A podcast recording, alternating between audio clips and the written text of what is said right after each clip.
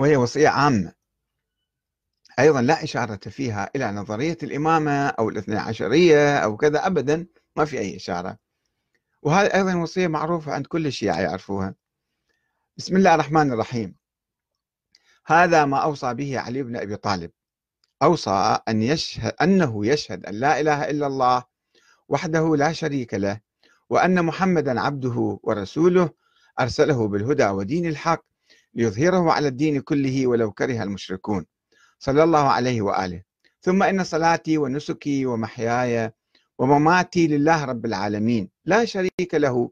وبذلك أمرت وأنا أول من المسلمين. ثم إني أوصيك يا حسن وجميع أهل بيتي وولدي ومن بلغه كتابي بتقوى الله ربكم. ولا تموتن إلا وأنتم مسلمون. واعتصموا بحبل الله جميعا. ولا تفرقوا فإني سمعت رسول الله صلى الله عليه وآله يقول صلاح ذات البين أفضل من عامة الصلاة والصيام وأن المبير الحالق للدين فساد ذات البين اللي دمر الدين يعني ولا قوة إلا بالله العلي العظيم. انظروا ذوي أرحامكم فصلوهم يهون الله عليكم الحساب. هذه وصية لعامة المسلمين. الله الله في الأيتام فلا تغبوا أفواههم ولا يضيعوا بحضرتكم. فقد سمعت رسول الله صلى الله عليه وآله يقول من عال يتيما حتى يستغني أوجب الله عز وجل له بذلك الجنة. كما أوجب لآكل مال اليتيم النار. الله الله في القرآن فلا يسبقكم إلى العمل به أحد غيركم غيركم.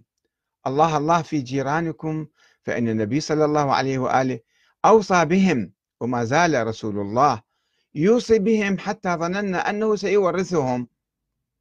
الله الله في بيت ربكم فلا يخلو منكم ما بقيتم فإنه إن ترك لم تناظروا. وأدنى ما يرجع به من أمه أن يغفر له ما سلف. الله الله في الصلاة فإنها خير العمل إنها عمود دينكم. الله الله في الزكاة فإنها تطفئ غضب ربكم. الله الله في شهر رمضان فإن صيامه جنة من النار. الله الله في الفقراء والمساكين فشاركوهم في معايشكم. الله الله في الجهاد بأموالكم وأنفسكم وألسنتكم فإنما يجاهد رجلان إمام هدى أو مطيع له مقتد بهداه. الله الله في ذرية نبيكم فلا يظلمن بحضرتكم وبين ظهرانيكم وأنتم تقدرون على الدفع عنهم. الله الله في أصحاب نبيكم الذين لم يحدثوا حدثا ولم يؤووا محدث محدثا. فإن رسول الله صلى الله عليه وآله أوصى بهم ولعن المحدث منهم ومن ومن غيرهم والمؤوي للمحدث.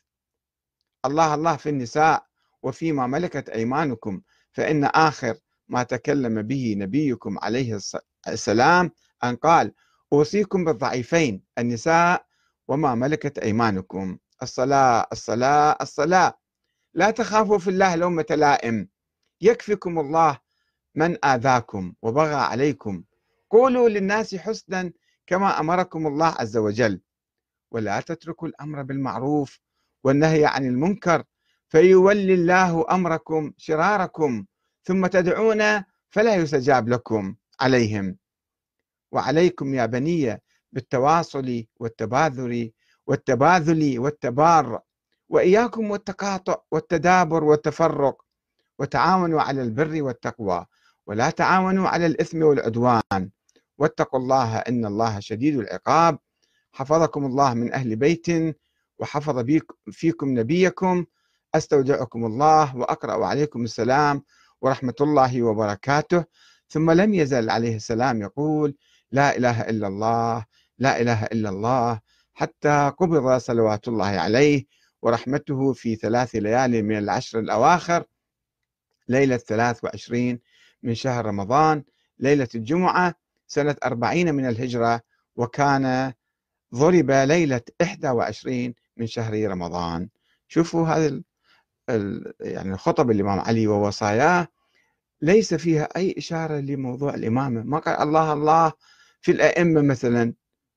فإذا هذه النظريات الدخيلة التي افتعلها الغلاة والمتكلمون في القرون اللاحقة ما كان لها وجود في تلك الأيام. طبعا هذا جزء دليل واحد يعني من من عشرات الأدلة والأحاديث والمواقف التي آه، وقف فيها الإمام علي بايع الخلفاء السابقين وتحدث عن الشورى ولم يوصي إلى الحسن بالخلافة وكلها تدل على أن نظرية أهل البيت كانت الشورى ولم تكن نظرية آه، العصمة والناس وحصر الإمامة والحكم والخلافة في سلالة معينة مثل الملوك.